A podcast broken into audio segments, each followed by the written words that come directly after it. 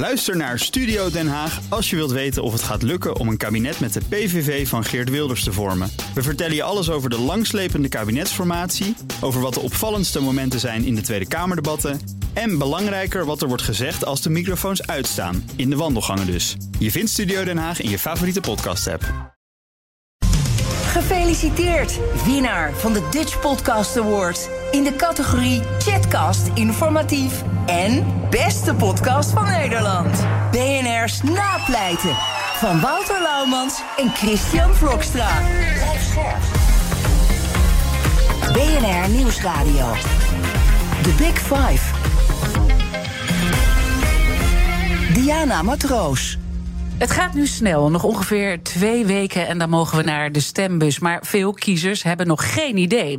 Waar staan de partijen voor? Wie heeft het beste verhaal om in het torentje te komen? En ook een heel belangrijke vraag: wie helpt ons land al die moeilijke transities door? In BNR's Big Five van de politiek leider spreek ik vijf kopstukken om zo de zwevende kiezer te helpen om een goede keuze te maken. En vandaag is dat Jesse Klaver, de fractievoorzitter van GroenLinks Partij van de Arbeid, die een stap naar achteren deed voor Frans Timmermans om die lijst lijsttrekker te maken. En zo werd hij zelf de nummer drie van de partij. Uh, welkom, uh, fijn dat je er bent. Goedemorgen, fijn om hier te zijn. Ja, is het goed dat we tutoyeren Zeker, zeker. Uh, ik ga straks met je praten over linkse samenwerking... en toch ook nou, wat rechtse samenwerking die we ook horen vanuit Omtzigt. Ja. benieuwd hoe je daar naar kijkt. Maar voordat we dat gaan doen, wil ik aan je vragen... de samenvoeging en jouw nieuwe rol... Mm -hmm. Uh, dat maakt dus echt ook dat jullie nieuwe politiek aan bedrijven zijn. Wat is er voor jou het spannendste aan jouw rol? Het spannendste. Uh, nou, dat je moet loslaten. Hè? Dat, je, dat, je, dat je veel moet loslaten. Maar het, het leukste eigenlijk aan mijn rol is dat ik meer tijd voor de inhoud heb gekregen. Uh, en dat deed ik ook altijd wel als fractievoorzitter. Maar dan waren anderen toch meer verantwoordelijk om al, nou ja, bijvoorbeeld een doorrekening te maken. En dan was er altijd bij betrokken, maar niet zelf aan het doen. Dat deed ik daarvoor wel, voordat ik fractievoorzitter was. Ja, en nu kan ik dat weer gewoon allemaal zelf doen. Dus er is veel meer tijd om me in de inhoud te verdiepen. En dat is, uh, nou, dat is wel echt een cadeau wat ik heb gekregen. Nou, dat gaan we uh, vandaag ja. ook doen. Overigens, we hadden niet, niet ten nadele van jou, maar we hadden natuurlijk alle lijsttrekkers gevraagd. En we wilden ook graag Frans Timmermans hier. En we merken toch dat dat heel erg moeilijk is om hem dan op een bepaalde plek te krijgen voor toch een interview van de inhoud. Waar, waarom is dat zo moeilijk? Nou, dat heeft niet zozeer met het type interview te maken, maar wel dat er onwijs veel verzoeken zijn. En dat hij daarin zijn keuzes maakt. En dat hij ook heel veel media doet aan de ene kant.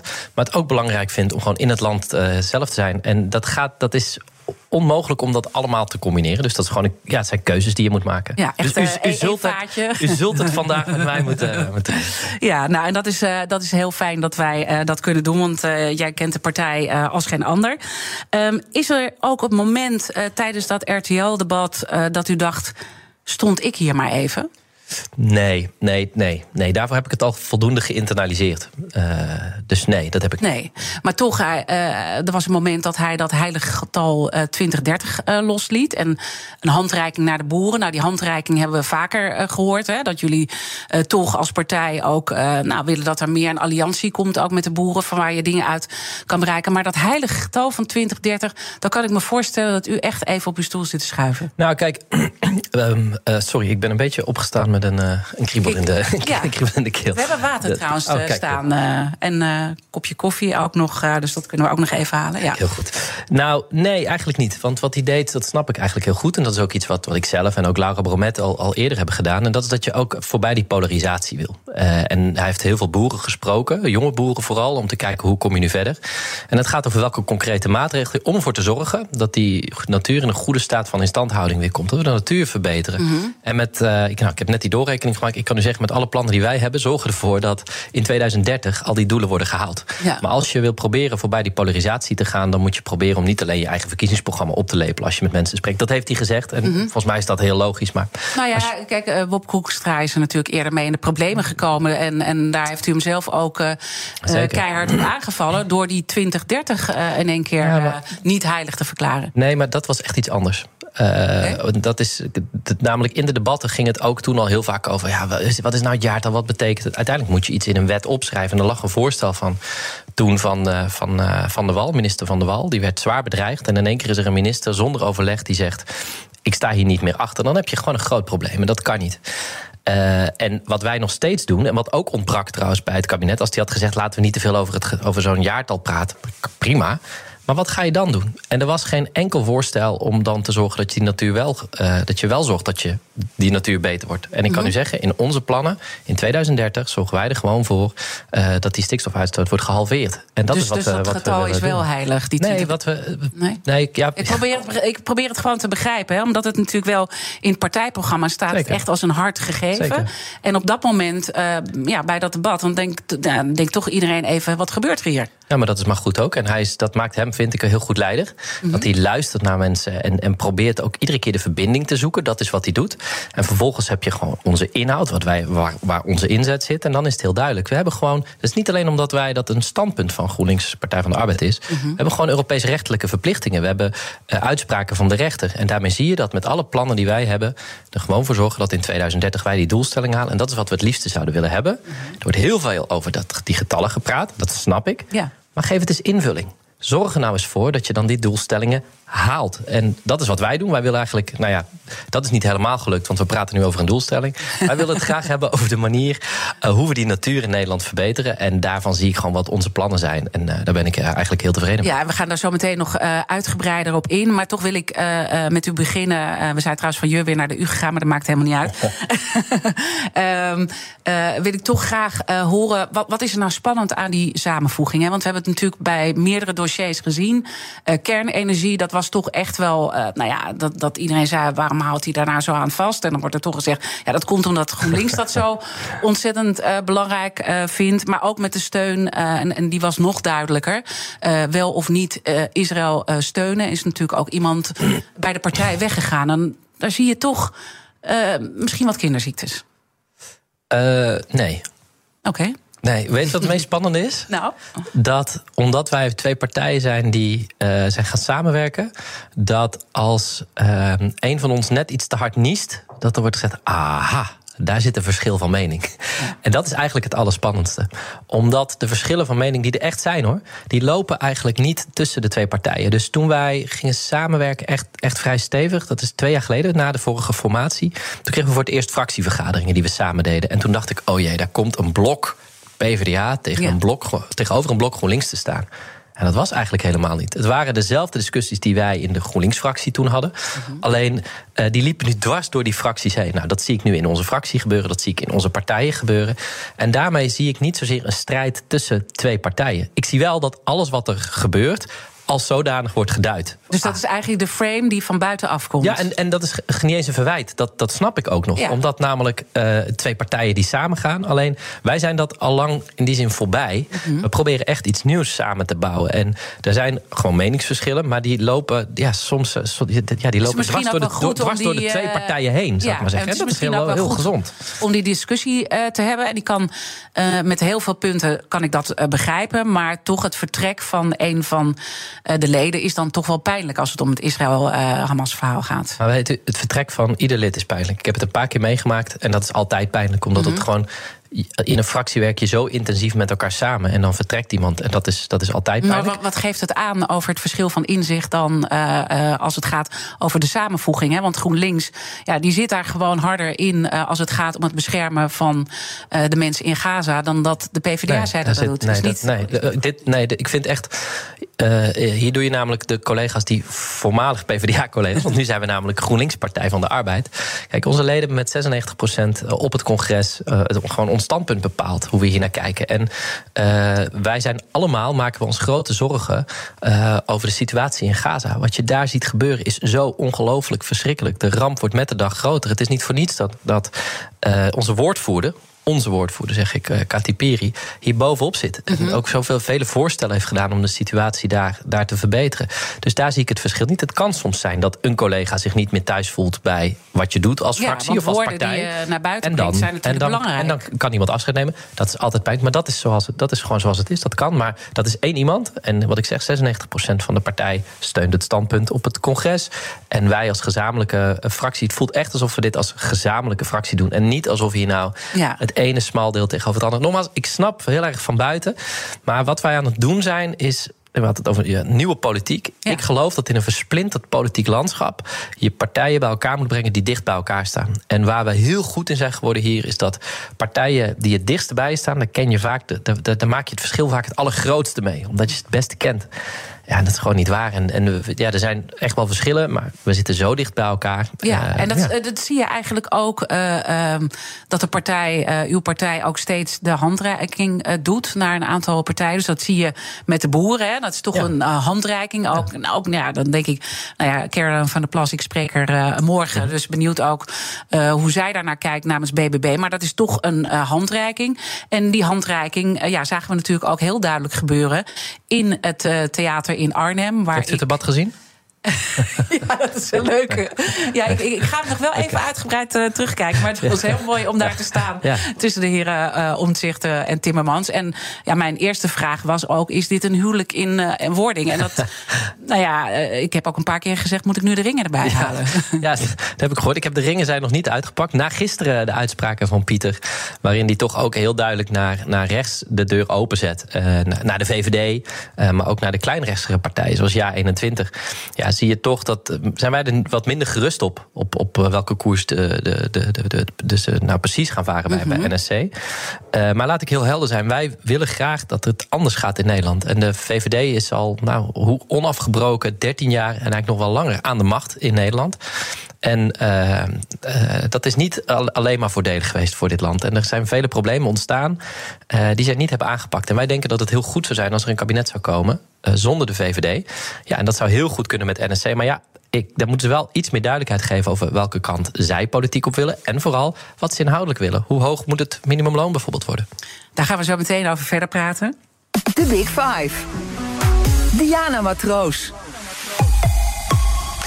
Mijn gast is Jesse Klaver, de nummer drie van GroenLinks eh, Partij van de Arbeid. En uh, we hebben net gehoord hoe die uh, rol anders is geworden. En dus heel erg ook met die doorrekeningen bezig die daar morgen gaan komen. mooi is dat onze gasten elkaar altijd vragen stellen via de kettingvraag. En in de vorige aflevering sprak ik met Mirjam Bikker. Zij is de lijsttrekker van de ChristenUnie. En het ah, is ook leuk om elkaar een beetje beter persoonlijk te leren kennen. En het was best een persoonlijke vraag. Luister maar. Beste Jesse, wij kennen elkaar natuurlijk goed uit Den Haag. Maar één ding van jou zie ik veel minder. En volgens mij ben je daar net zo druk mee als dat ik dat ben. En dat is een prachtig gezin thuis. Ook jij hebt een paar uh, mooie kinderen als ik uh, af en toe je Insta goed uh, zie. En bij mij thuis aan de keukentafel gaat het er geregeld over van... mam, waar ben je nou zo druk voor? Waarom doe je dit allemaal? En ik kan me zomaar voorstellen dat ook de kleine klavers deze vraag wel eens stellen. Dus ik zou eigenlijk zeggen, willen zeggen... Jesse, waar ben jij zo druk voor? Hoe leg je dat aan jou? hoe, hoe vertel je dat aan je kinderen? En waar zijn zij het meest enthousiast over in de dingen die jij in deze drukke weken doet? Leuk. Dat is toch leuk? Ja, dat is een hele leuke vraag. Um, uh, ja, die vraag, dat wordt regelmatig uh, wordt die vraag, uh, wordt die vraag aan mij gesteld. Of zijn we daarover aan het praten? En wat doet de politiek? En ik heb kinderen in de, de, in de, de leeftijdsrange van 4 tot en met 10. Uh, en naarmate ze jonger zijn, is eigenlijk, zijn ze mij in één ding geïnteresseerd: is dat uh, papa zijn best doet om de dieren te beschermen. Dat is eigenlijk wat voor hen het, het aller, allerbelangrijkste is. Maar mijn oudste zoon die volgt nu ook het jeugdjournaal. Mhm. En met hem hebben we dus heb ik het over ja, alle onderwerpen die voorbij komen. En hij heeft nu door dat, dat, dat mijn werk is om over al die onderwerpen uh, daar een mening over te vormen, plannen op te maken, daarover te debatteren. En dat vindt hij, uh, dat vindt hij fantastisch. Ja. Dus het, het hoofdonderwerp nu is bij ons thuis ook uh, wat er gebeurt in, in Gaza en in, in Israël. Hij is heel erg bezig met de oorlog in Oekraïne.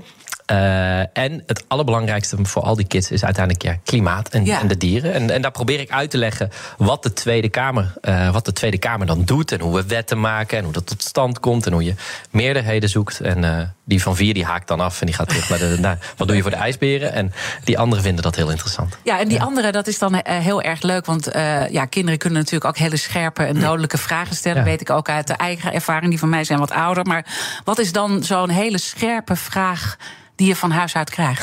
Nou, één hele scherpe vraag. Dat is al, al een, een, paar jaar geleden. Maar toen zat ik op de fiets en uh, bracht ik uh, een van mijn kinderen naar, naar school. Zei, papa, jij bent toch Jesse Klaver? ja, ik ben Jesse Klaver. En, maar ik ben, ik ben jouw papa. Ja, ja, maar je bent ook Jesse Klaver. En uh, waarbij ze je dus ook, zeg maar, ze, waarbij ze hem ook gewoon zagen echt als een, als een politicus, zeg Ja, maar. En ja. dat vond ik heel, dat was heel confronterend. En dus nou ja, dat, dat, soort, dat soort vragen worden, Ja. worden wel gesteld. Of, en wat is eh, het confronterende daaraan dan? Nou, dat is dat- ook heel mooi dat, is- dat, dat hij dat ziet. Of. Ja, nou, het- het is, ik zeg ook, het is een vak hè, wat, je, wat je hebt. En je moet daar niet. Ik leg daar al mijn, mijn, mijn ziel en zaligheid in. Maar het is ook gewoon mijn werk. En als ik naar huis ga, dan zet ik ook gewoon mijn tas bij de deur. En dan ga ik iets anders doen. Ja. Eh, maar, maar het is ook confronterend om, om eh, te zien dat je ook gewoon. Ja, hoe zeg je dat? Voordat je het weet, ben je ook gewoon zeg maar, een soort van merk. Zeg maar. en, en daar moet je voor waken. Omdat je je. Ik doe dit werk al heel lang. En dat je niet opgesloten raakt in wat andere mensen denken dat jij bent. Want iedereen heeft de hele dag een mening over je. En dat je daar niet in opgesloten raakt. Maar de allerconfronterendste vraag van mijn kinderen is, eh, is niet de vraag, dat zijn de opmerkingen. Oh, moet je alweer weg? Ja, ja, of ja. vanochtend. Bracht ik ze, eh, ik breng ze wat naar school in de ochtend. En dan, eh, als ze dan zeggen: Oké, tot morgen. Ja, die is echt dodelijk. dat is ja, echt, dat, ja. die, doen, die, ja, die, Ah die is raken je, je ziel, die doen pijn. Ja, en, en, en eh, we weten ook dat jullie allemaal heel hard werken in politiek Den Haag. En dat het ook zeker niet makkelijk is. Hè? Nee. Je noemde al even polarisatie. Dat is natuurlijk iets waar continu. En dat is ook, nou eigenlijk. Eh, wat je aangeeft, wat jullie proberen, toch ook met die nieuwe eh, vorm van politiek bedrijven. Niet alleen tussen die twee partijen, maar ook naar de buitenwereld toe. Laten we kijken waar we elkaar kunnen Ja, vinden. ja, is dat echt eh, de strategie deze keer? Nou, niet alleen de strategie, het is een overtuiging. Ja. Hè, waarbij je probeert naar elkaar te luisteren. En, en eh, dat hebben wij gedaan eh, tussen onze partijen. Maar je moet goed luisteren naar de samenleving. En tegelijkertijd blijven staan waar je voor staat. En dat is in dit eh, politieke klimaat lastig. Want eh du moment dat je dat doet en naar iemand wil luisteren... dan krijg je daarna alleen nog maar vragen... aha, u laat een, u laat een doelstelling los. Of u laat, nee, dat hebben we helemaal niet. Hè, dat is helemaal niet het punt. Wij vinden nog steeds dat je, dat je dit zo'n doelstelling moet halen. Daar hebben we onze, al onze plannen op gericht. Maar wij willen het gesprek aangaan met anderen. En, en daar een openheid in laten zien. Nou, en dat proberen we op heel veel gebieden te doen. En daar is de kunst. Het gesprek aangaan aan de ene kant. Ja. En luisteren en snappen waar zorgen zitten van mensen. En vervolgens ook duidelijkheid geven als politiek leiders. Want we hebben wel een idee voor de koers van Nederland. En die koers zetten we heel duidelijk uit. Daar kan je het mee eens zijn of niet mee eens zijn. En vervolgens luister je wel naar wat zijn de zorgen van mensen. En mijn ervaring is dat als je daarnaar luistert, dat je vaak veel dichter bij elkaar staat dan je denkt. Ja. En als dat niet is, is dat ook maar gewoon duidelijk. En dan valt er iets te kiezen. Ja, maar en, en uiteindelijk leven we natuurlijk toch ook in een coalitieland. Dus moet je ook eh, nou ja, er toch eh, samen uitkomen. Hè? Dus dat is. Dat is eh, dus ik, maar ik vind het interessant eigenlijk wat je zegt. Is dat dus dat gesprek en naar elkaar luisteren super belangrijk is. Maar dat we er dus ook allemaal met z'n allen aan moeten wennen. Want je hoort ook wel, nou, ook wel veel politieke verslaggevers roepen. Ja, het vuur ontbreekt nog een beetje. Ja, ja. Dus, dus, dus dat zijn we natuurlijk gewend. Iedereen is gewend aan dat vuur. Is dat ook best wel spannend nu voor jullie? Dat... Ehm, dat, dat dat ontbreekt. Nou, ik denk dat er nog wel de komende weken nog een paar politieke verschillen duidelijk gaan worden. Mhm. en, en ik snap ook wel dat mensen oké. Het is allemaal goed, kumbaya. Iedereen lijkt het met elkaar. Maar er zijn ook wel verschillen. En dat klopt, die, die zijn er ook. Alleen wat ik zie in deze campagne... ik sta met iets meer afstand kijken Ja, daarnaar... dat is wel mooi, ja. dat vind ik heel, en wat ik heel mooi vind, is dat er wordt gezocht naar... kan je op een fatsoenlijke manier die verschillen duidelijk maken? En eh, er is een hele generatie grootgebracht met, met Geert Wilders... die in ieder debat stond en zei, u bent knettergek.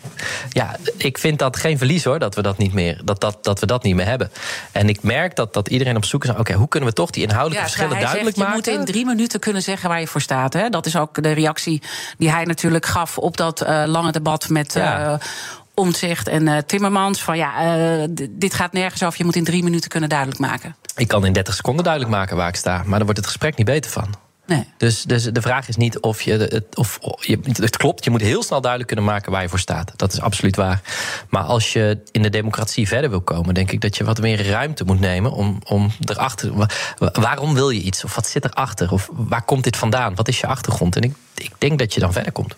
Eh, als we dan nu eh, daar meer het gesprek over gaan doen. En ook eh, kijken hoe jullie luisteren naar wat er allemaal hè, gebeurt. En de verschillende perspectieven die er zijn. Wat valt dan op met name nu? Ook als het gaat om de verschillen en, en nou ja, hoe. Hè, want we weten, klimaat is eh, eh, voor jullie belangrijk als eh, partij. Bestaanszekerheid is belangrijk. En als je dat dan te luisteren legt in de samenleving, wat valt dan op? Nou, eigenlijk dat onzekerheid een rode draad is. En dat gaat eigenlijk, dus we hebben het over bestaanszekerheid, maar eigenlijk is de rode draad veel meer onzekerheid van bestaan. Of het nou is met een klimaatgeneratie die denkt: wow, is er überhaupt een planeet voor mij nog om op te leven?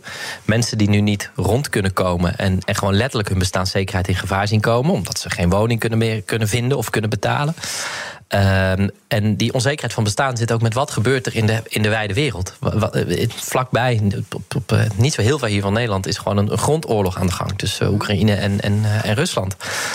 de, wat er gebeurt in Gaza, natuurlijk de verschrikkingen die daar plaatsvinden, maar ook de uitwerking die het kan hebben op de hele regio in het Midden-Oosten.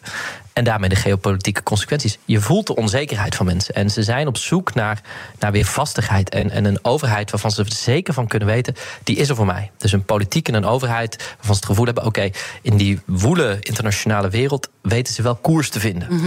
En ze kunnen misschien niet alle problemen voor mij oplossen. Maar ik weet in ieder geval wel zeker dat ik een huis kan vinden. Of dat ik mijn kinderen te eten kan geven. Dat soort basale zaken. En dat die jonge generatie, zeker die jonge generatie, ervan op aan kan. Dat je er alles aan doet om klimaatverandering een halt toe te roepen. Om te zorgen dat zij zekerheid hebben van bestaan. Nou, dat is een, een, een cocktail die, die we zien. En ja, daar, dat vraagt om, om leiderschap en, en om lange lijnen uit te durven zetten. En hoe moeilijk is het dan om dat punt van klimaat uh, te pakken? Hè? Want het wordt wel benoemd, maar het is nog niet zo, is mijn indruk, dat, dat een, een heel deel van Nederland wel, maar ook nog een heel deel niet, die toch nog niet zoiets heeft van we gaan hierop aan. Het vuur met klimaat moet nog komen. Ja. Ja, ik heb wel het gevoel dat heel veel mensen uh, echt wel zien dat er iets moet veranderen ja. uh, bij klimaatverandering. En, en, dat ze ook in hun eigen leven daar best veel stappen toenemen. Maar uh, dat ze ook wat gevoel hebben, ja, wacht eens even. Uh, dus van mij wordt van alles verwacht dat ik het anders doe. Uh, en ondertussen kunnen zeker ook grote bedrijven hebben nog hun fossiele voordelen. Hè, dus die, die fossiele subsidies. Er wordt zoveel uitgestoten. Ik vind het eigenlijk niet eerlijk wat, wat hier gebeurt. En meer eerlijkheid brengen in die aanpak van klimaatverandering. Ik denk dat dat heel erg belangrijk is. En ja, ik zie ja, ik zie toch wel echt dat heel veel mensen echt doorhebben. als we op deze weg doorgaan. Ja, hoe, hoe moet het dan? En, en tot slot, mensen maken. de onzekerheid zit ook in. Oké, maar stel je nou voor dat we het hier in Nederland wel heel goed doen. Hoe gaat het dan in de rest van de wereld? En wordt daar voldoende gedaan om klimaatverandering te stoppen? En dit zijn allemaal mooie dilemma's om zo meteen uh, over verder te praten. Kunnen we daar mooi uh, de diepte op ingaan. Uh, Mijn gast vandaag is de nummer drie van GroenLinks Partij van de Arbeid, Jesse Klaver. Blijf luisteren wat dit allemaal betekent voor het bedrijfsleven. Ook Liesbeth Staats vind je in de BNR-app. Ja, heel handig. Luister live naar Kees en mij tijdens de Daily Move. Dan blijf je ook gelijk op de hoogte van breaking news en het laatste zakelijke nieuws. En daar vind je ook alle BNR-podcasts, waaronder de Perestrooikast. Download nu de gratis BNR-app en blijf scherp. Blijf scherp. BNR Nieuwsradio. The Big Five. Diana Matroos. Welkom bij het tweede halfuur. Deze week praat ik met vijf kopstukken uit de politiek. In aanloop natuurlijk naar die belangrijke Tweede Kamerverkiezingen op 22 november. Uh, eerder deze week sprak ik al met Mirjam Bikker, de lijsttrekker van de ChristenUnie. Uh, onder andere of ze een kabinet weer aan een meerderheid uh, gaan helpen. Nou, ze sloot dat in ieder geval niet uit. En we hebben het ook gehad over het kille marktdenken. waarvan zij zegt, terugkijkend, daar moeten we echt mee stoppen. als het straks om een nieuw kabinet gaat. Het is allemaal terug te luisteren via onze BNR-app. Mijn gast vandaag is Jesse Klaver, uh, de nummer drie van GroenLinks Partij van de Arbeid. En uh, veel meer bezig, uh, nou, wat meer met afstand, om ook Timmermans in die lijsttrekkersrol. en daar heb je echt ook goed over nagedacht. Hè. Hebben we ook in eerdere interviews uh, kunnen zien. Uh, komend half uur wil ik in ieder geval nog twee onderwerpen bespreken. Namelijk een vooruitblik op de verkiezingsuitslag. En natuurlijk het bedrijfsleven, die uh, ja, intussen wel een beetje zoiets heeft. Hoe warm is de hand vanuit de partij? En meteen al een lach. Wat zegt die lach? Nee, dat ik dit, dit vaak hoor van het bedrijfsleven. Ja. Ja, ja en, dan, en, en wat is dan de eerste gedachte?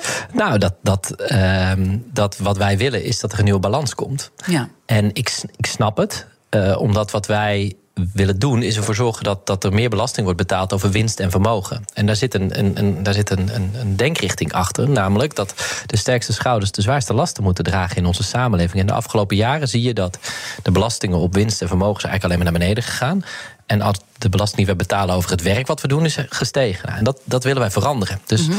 Uh, ik snap dat bedrijven denken: wow, gaat voor mij de belasting nu omhoog. Maar het is onderdeel van een, een, hoe wij denken dat je een rechtvaardige samenleving hebt. En door meer belastingen op te halen, ook bij bedrijven over de winst die ze maken, ja, dat zorgt ervoor dat we kunnen investeren in goede publieke voorzieningen. In, in kinderopvang die er voor iedereen is. In goede scholen waar je niet ochtends als je ouder bent moet hopen: oh jee, is er maar een docent. Ja, en dat zijn de zaken die wij graag willen, willen doen, omdat mhm. wij ervan overtuigd zijn dat het vestigingsklimaat in Nederland gebaat is niet alleen bij hoe je belastingstelsel eruit ziet, maar bij goede publieke voorzieningen, met het beste onderwijs uh, van de wereld en een overheid met lange termijn perspectief. Ja, dus... toch heb ik eerder ook een, een week gemaakt met uh, bij de Big Five hebben we dat gemaakt over de Nederlandse schatkist, een aantal economen gesproken en eigenlijk zei elke econoom, ja, er wordt wel heel hard uh, op dat bedrijfsleven geleund en met elke probleem uh, wordt eigenlijk de portemonnee daar uh, leeggetrokken. Ja, maar dat is niet waar. We kunnen ze wel zeggen, maar het is niet waar. Leg uit. Nou ja, kijk, in de afgelopen jaren zie je dat er wel stapjes zijn. Dus, dus waar ze, wat er feitelijk klopt, is dat in de. Uh, bij de laatste twee politieke beschouwingen, de algemene politieke beschouwing, dat als er wensen waren, dan werd dat betaald uit belastingverhogingen voor het bedrijfsleven. Maar de vennootschapsbelasting bijvoorbeeld, die was ooit 35 procent. Die zit nu op iets meer dan 25 procent. Dus je kan niet zeggen dat het bedrijfsleven nu overal de rekening voor moet betalen. Dat is gewoon, dat is gewoon niet waar. Als we kijken naar de fossiele subsidies, de vrijstellingen die ze hebben, die zijn nog steeds heel erg hoog. En wat wij zeggen is niet, het bedrijfsleven zal alles moeten betalen. Dat zou nonsens zijn. Mhm. Het gaat ons om het herstellen van de balans. En dat we zorgen dat we een eerlijk belastingstelsel in Nederland hebben, waar iedereen zijn, zijn eerlijke bijdrage aan levert. En wij denken dat de bijdrage van het bedrijfsleven echt wel iets groter mag zijn. En dan heb ik eh, veel ook uh, nou ja, met, met, met beide partijen gesproken. En ook wel eens, uh, nou ja, ook wel eens besloten sessies waar je dan mhm. met elkaar in gesprek gaat. En het lijkt soms wel want uh, eerder spraken we over het luisteren en het perspectief uh, uh, pakken ook van het andere verhaal en proberen daarin te staan. En het valt me op, en dat is niet een aanklacht naar jou hoor, maar dat, dat er zo'n andere taal wordt gesproken. Het lijkt wel alsof dat helemaal langs elkaar heen gaat. Waar, waar zie je dat, eh, als je zegt die andere taal? Waar, waar uh, nou ja, dat, dat, iedereen eigenlijk in het eigen perspectief. Dus dat dan de, de politici uh, blijven zeggen: ja, we moeten echt naar een andere uh, balans. En dat het bedrijfsleven blijft zeggen: ja, maar voor alles wordt er naar ons gekeken. En we mhm. moeten het natuurlijk nog wel verdienen met elkaar in Nederland. En dan zie je eigenlijk dat dat niet naar elkaar, naar het midden wordt uitgekomen. En dat is natuurlijk wel belangrijk ook voor een sterke, krachtige Nederlandse samenleving. Ja, mijn ervaring is in de gesprekken die ik ook, eh, ook buiten de camera heb met, met, met mensen uit het bedrijfsleven, is eigenlijk dat ze heel goed snappen dat er zo'n nieuwe balans moet komen. Dat wat ze vervelend vinden, is dat ze soms het gevoel hebben, en dat snap ik, dat alles hun schuld is. En dat, het, dat, dat ze bijna crimineel zijn. Ja, de toon ook. De toon. En dat, weet je, dat, dat snap ik dat je het gevoel hebt. Wij proberen echt mooie producten te maken. Wij doen ons best. En dan worden we zo weggezet. En uh, gewoon in hoe stevig het debat gaat, ook hoe ik me daarover uh, uitlaat, dat, kan ik, dat stuk kan ik me eigenlijk heel goed uh, verplaatsen. Tegelijkertijd zeggen deze mensen, ja, wij eigenlijk snappen we ook wel heel vaak, eigenlijk snappen we ook wel dat we wat meer belasting moeten betalen. Maar ja, ik zit ook met mijn aandeelhouders. Dat begrijp ik ook. Hè? Dus, dus ik, dat, dat begrijp ik. En één ding waar ze, wat, wat, wat echt wordt gedeeld, lange termijnbeleid. Dus bijvoorbeeld het groeifonds, dat is er gekomen om ervoor te zorgen dat we gaan investeren in het toekomstige verdienvermogen van Nederland. Nou ja, wat doet een partij die zegt voor die bedrijven op te komen, de VVD, al twee uh, twee uh, politieke beschouwingen, dus twee keer ja. bij Prinsjesdag, ja. halen ze geld uit dat groeifonds. Ja. Dat vind ik onbestaanbaar. Ja. Uh, dat is ook een reden waarom wij het zullen hervormen in onze plannen. Waarom wij zeggen dat groeifonds dat werkt gewoon als vaststaand fonds. Zoals nu staat, werkt niet. Dus je moet dat anders vormgeven om nog meer te beschermen. Ja, dat, dat, dat zigzagbeleid van, van de overheid, dat maakt vooral bedrijven, maar ook burgers knettergek. En dat snap ik heel goed. Ja, dus meer duidelijkheid daarover is belangrijk. Toch zijn er wel meer uh, zorgen. En we leggen ook altijd aan een kopstuk een, uh, een vraag voor. Of in ieder geval de mogelijkheid om uh, jullie allemaal een vraag te stellen deze week. Ja. En bij jou is het Ingrid Thijs geworden. Natuurlijk de boegbeeld van de werkgevers, voorzitter van VNO-NCW. En dit is hetgeen wat ze ja. graag aan je wilde vragen. Het dilemma wat ik aan Jesse Klaver voor zou willen leggen... gaat over de vraag waarmee we in Nederland in de toekomst ons geld verdienen. En GroenLinks en Partij van de Arbeid willen dat natuurlijk bij voorkeur niet met energie-intensieve bedrijven... en ook niet met arbeidsintensieve bedrijven, zodat er uh, hoge lonen betaald kunnen worden. Betekent dat ze wel graag naar een kenniseconomie zouden willen. Ik denk dat uh, GroenLinks en Partij van de Arbeid dat ook bevestigen. Ook in het verkiezingsprogramma bijvoorbeeld staat dat uh, 3% van het BBP uitgegeven zou moeten worden aan innovatie. Maar ja, tegelijkertijd worden de afgelopen tijd onder aanvoering van GroenLinks Partij van de Arbeid toch wel allerlei beslissingen genomen of in ieder geval proefballonnen opgelaten die een negatieve impact hebben op de kenniseconomie. En dat lijkt me eigenlijk best een dilemma voor de heer Klaver. Dus ik zou graag horen hoe we dan als land wel onze kenniseconomie gaan bevorderen. Ik zag uh, uh, je, de wenkbrauwen af en toe fronsen. Vragen kijken en lachen en knikken. Dus er ja. gebeurt heel veel. ja, ik, probeer goed te luisteren. Uh, kijk, ik, ik, snap de vraag. Laat ik eerst zeggen wat, wat ons uitgangspunt is. Ik vind dat het, en dat zeggen wij niet alleen... de Wetenschappelijke Raad voor het Regeringsbeleid zegt dat eigenlijk ook... het bedrijven... Nederland, wat Nederland mist is een economische structuurvisie. Dus we hebben wel beleid, maar dat is eigenlijk allemaal op bestaande bedrijven. En om te proberen de bestaande uh, bedrijven zoveel mogelijk te ondersteunen. En waar het om gaat is, kunnen we die omslag maken naar die economie van de toekomst? Wij verdienen over twintig jaar niet meer ons geld op dezelfde manier als dat we dat ooit, als, als we dat ooit deden. Mhm. En dat betekent dat wij dus, dus ja, daar andere accenten leggen. Uh, de focus ligt daarbij inderdaad op de high-tech. Nou, de chips van ASML die zijn cruciaal voor, uh, voor Nederland. Dat is, dat is uh, één zo'n zo'n aspect. Maar vooral die hele transitie naar een, naar een, een duurzame samenleving, daar zitten zo ongelooflijk veel, veel kansen in.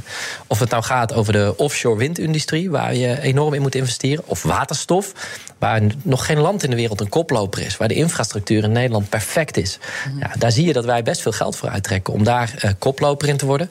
Maar ook over de biobased economy. Ja. Dus als het gaat over fossiele brandstoffen, dan denken we allemaal aan elektrische auto's. Ja. En vooral dat daar geen brandstof meer in de tank gaat. Mhm. Maar in deze studio waar we zitten, deze plopkap, gele plopkap waar ik naar waar BNR op staat, daar zitten waarschijnlijk alle reizen gemaakt van. Er zitten plastics in, dus dat als basiselement is olie. Mhm. Dus als we dat niet uit onze, uit onze economie en onze samenleving weten, daar, dan blijf je fossiele, subsidie, of fossiele subsidies en brandstoffen nodig hebben. Ja, en die omslag naar die biobased economy.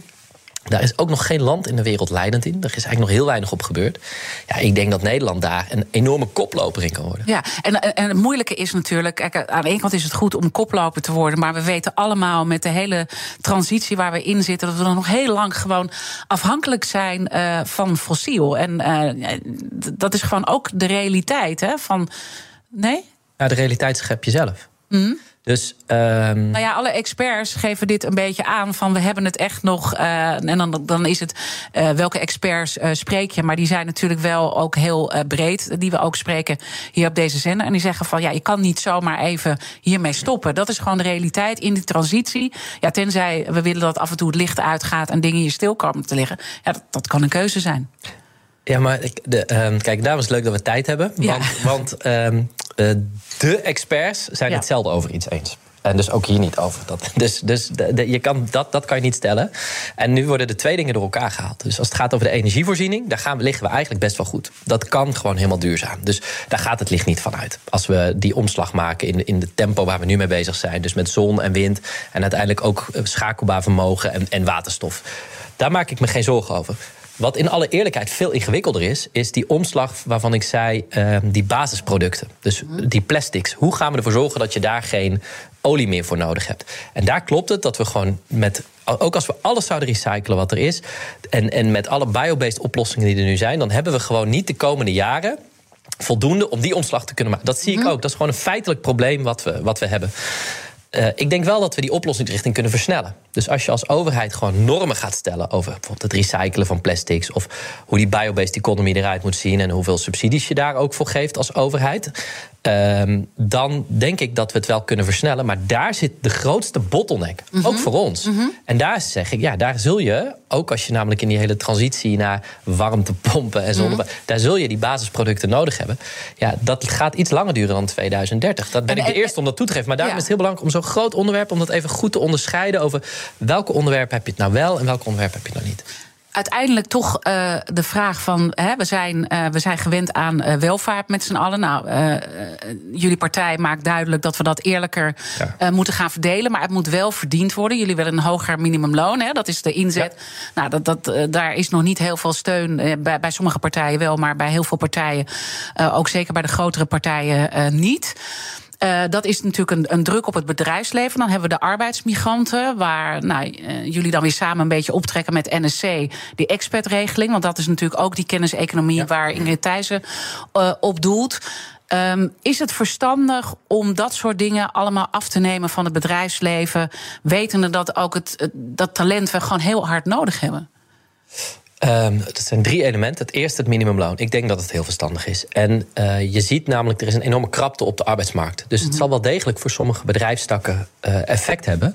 Maar er zijn ook voldoende bedrijfstakken waar wel voldoende wordt verdiend. En daar zijn ook enorme tekorten. Dus ik, ik denk dat het juist ook gelet op hoe de arbeidsmarkt nu in elkaar zit, dat het heel verstandig is om dat te doen. Mm -hmm. Maar dan ten principale, ik wil dat mensen een salaris verdienen waar ze van kunnen leven. En die stijging van het minimumloon is gekoppeld bij ons aan het kunnen afschaffen van toeslagen. Dus we hebben in Nederland de krankzinnige situatie dat je een fulltime baan kan hebben, maar niet voldoende verdient om rond te kunnen komen. En dat moet de overheid met allerlei toeslagen aanvullen. En we hebben gezien in het toeslagenschandaal wat voor gevolgen dat heeft. Dus iedereen zei nooit meer het toeslagenschandaal. De consequentie is dat je moet zorgen dat het inkomen van mensen hoger is. Ja, maar als het inkomen omhoog gaat en de bedrijven die hebben al veel meer loon moeten betalen, hè, want het was misschien dan dramatisch laag, hè, maar ze hebben al uh, um, meer loon betaald. We zitten bij de koplopers in Europa al, als het over koplopers gaat. Arbeidsproductiviteit is ook hoger dan in heel veel andere landen. Ja, uh, maar dan ga je dus nog meer uh, verhogen en uiteindelijk gaat dat natuurlijk ook weer in prijzen tot uit komen. Dus hoe zorg je er dan voor dat die mensen die dus meer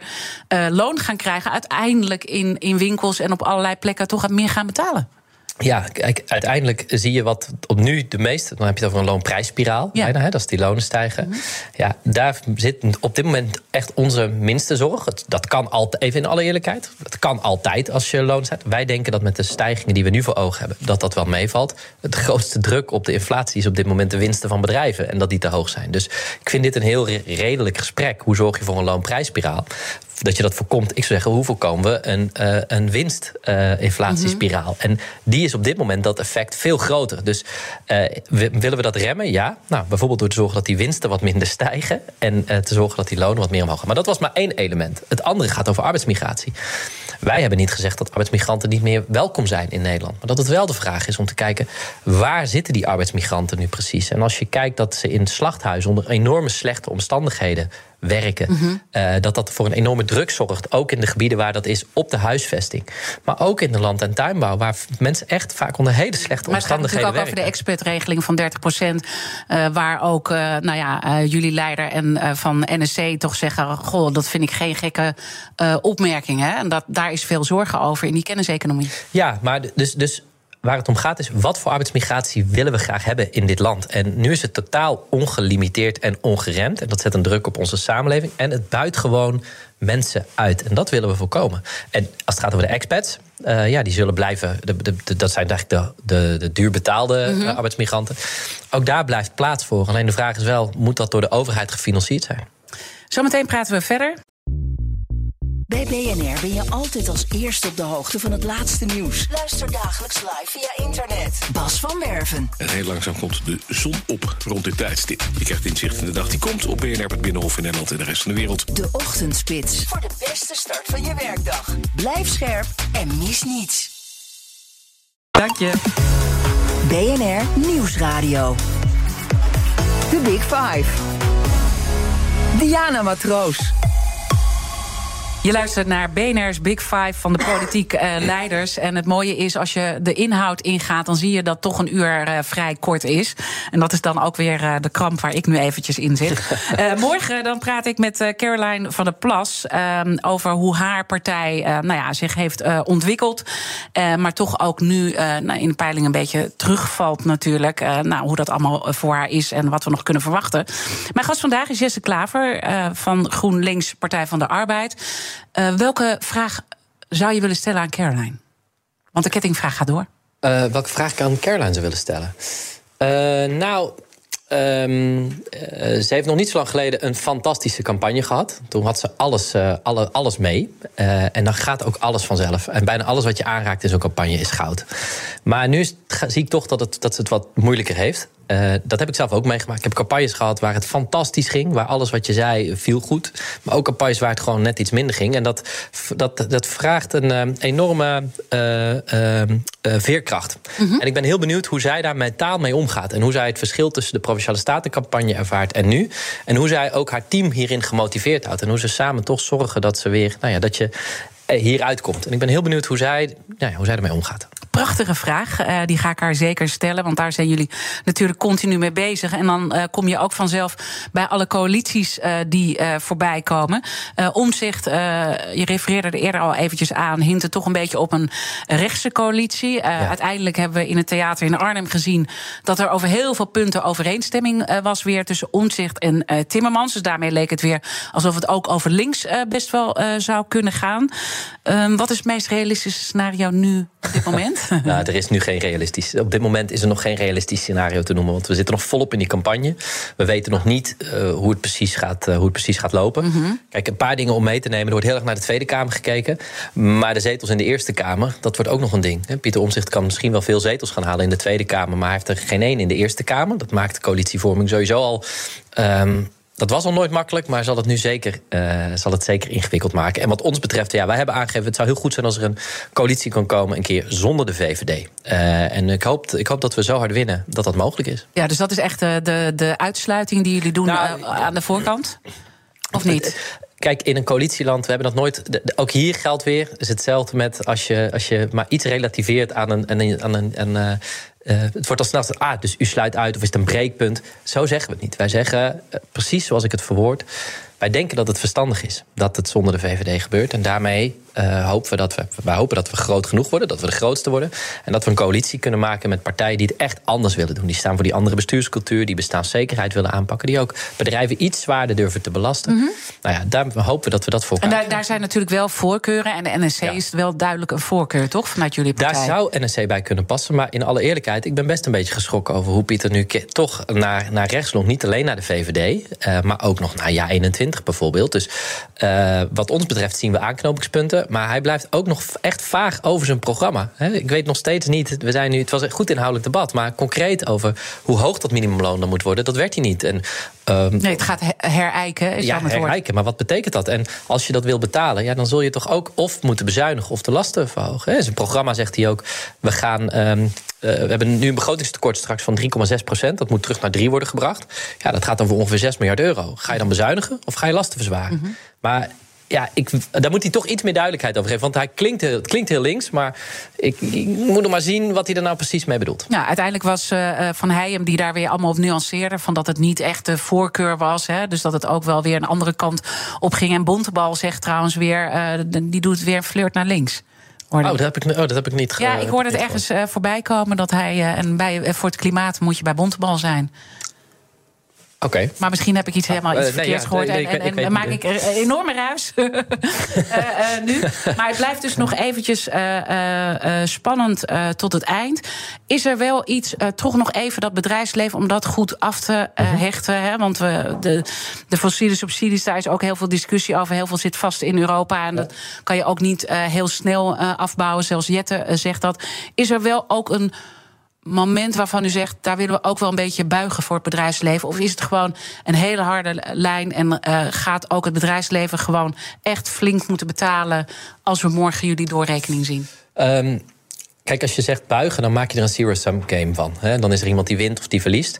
Kijk, bedrijf, bedrijfsleven gaat bij ons echt wel uh, meer belasting betalen over winst en vermogen. En dat vinden wij ook, uh, net zoals dat miljonairs dat bijvoorbeeld gaan doen in ja. onze plannen. Gaan ze heel erg schrikken morgen? Nee, ik denk, ik denk het niet. Ik denk dat het, uh, dat het echt, heel, echt heel gebalanceerd is. Uh, dat we, ook, we doen namelijk ook de last op, hè, we doen last op arbeid verlagen. Dus we doen verschillende, verschillende dingen. Ik denk dat het een economisch heel verstandig programma is, wat je, wat je morgen zal, zal zien. Um, maar waar we vooral het gesprek over willen met dat bedrijfsleven, uh, is: oké, hoe werken we aan die verdiencapaciteit van de toekomst? En ik denk dat bedrijven die vooral willen vasthouden aan hoe we alles nu doen en vandaag doen, en dat de positie proberen te behouden van bedrijven zoals ze nu zijn, Ja, dan, dan zijn we niet je partner. Gewoon in alle eerlijkheid. Wij zijn je partner als we kijken naar hoe ziet die toekomstige economie eruit. En hoe gaan we daarin investeren en in die innovatie. En nou ja, daar willen we graag op samenwerken. Maar bedrijven gaan gewoon een eerlijkere bijdrage leveren aan onze, aan onze samenleving. Maar dus wel meer uh, duidelijkheid op de lange termijn. En Ja. de polariserende teksten. eh, hè, dus dus in, in, in achterkamertjes een ander gesprek voeren dan dat als de camera aanstaat buiten. Ik- Daarvan eh, zei je eerder van dat mag misschien een beetje anders. Nou, nee, kijk, ik ben achter de schermen net zo duidelijk als, als voor de schermen. Ik begrijp heel goed dat als het gaat over de grote multinationals, dat, dat ze soms het gevoel hebben. Het lijkt wel alsof we niks goed doen. Ja. En dat is, dat is ook dat is, dat is niet waar. Hè? Het is niet dat er alleen maar slechte dingen gebeuren. Maar eh, nog niet zo lang geleden hadden we een, een hoorzitting met, eh, met Ahold. Ja, en als daar toch wordt. Het ging over de, de, de loonsverhoging van, ehm, eh, van de topman. Terwijl de mens, er was nog een onderhandeling gaande eigenlijk over de, over de mensen in de magazijnen. En die zouden er niet op vooruit. Of dat, dat zat allemaal vast. Ja, ik vind het heel lastig om uit te leggen. Ik zou willen dat bedrijven snappen dat als jouw topman er echt, echt zoveel op vooruit gaat. en je mensen in het magazijn niet. dat dat een slecht verhaal is voor de samenleving. en dat je daar onderdeel van bent. En dat dat draagvlak minstens zo belangrijk is, is in de samenleving. als dat het is onder je aandeelhouders. Dank eh, dat je te gast wilde zijn. Eh, Jesse Klaver van GroenLinks Partij van de Arbeid. En luister alles eh, terug in de podcast. Dan hoor je ook alle andere gesprekken. Maar blijf live. Zometeen Thomas van Zijl met Zaken doen. Ik wens je een mooie dag. Ook Hugo Reitsma vind je in de BNR-app. Superhandig die BNR-app. Je kunt alle programma's live luisteren, breaking nieuwsmeldingen. Je blijft op de hoogte van het laatste zakelijke nieuws. En je vindt er alle BNR-podcasts, waaronder natuurlijk de belangrijkste, Boeken zijn in de wijk. Download nu de gratis BNR-app en blijf scherp.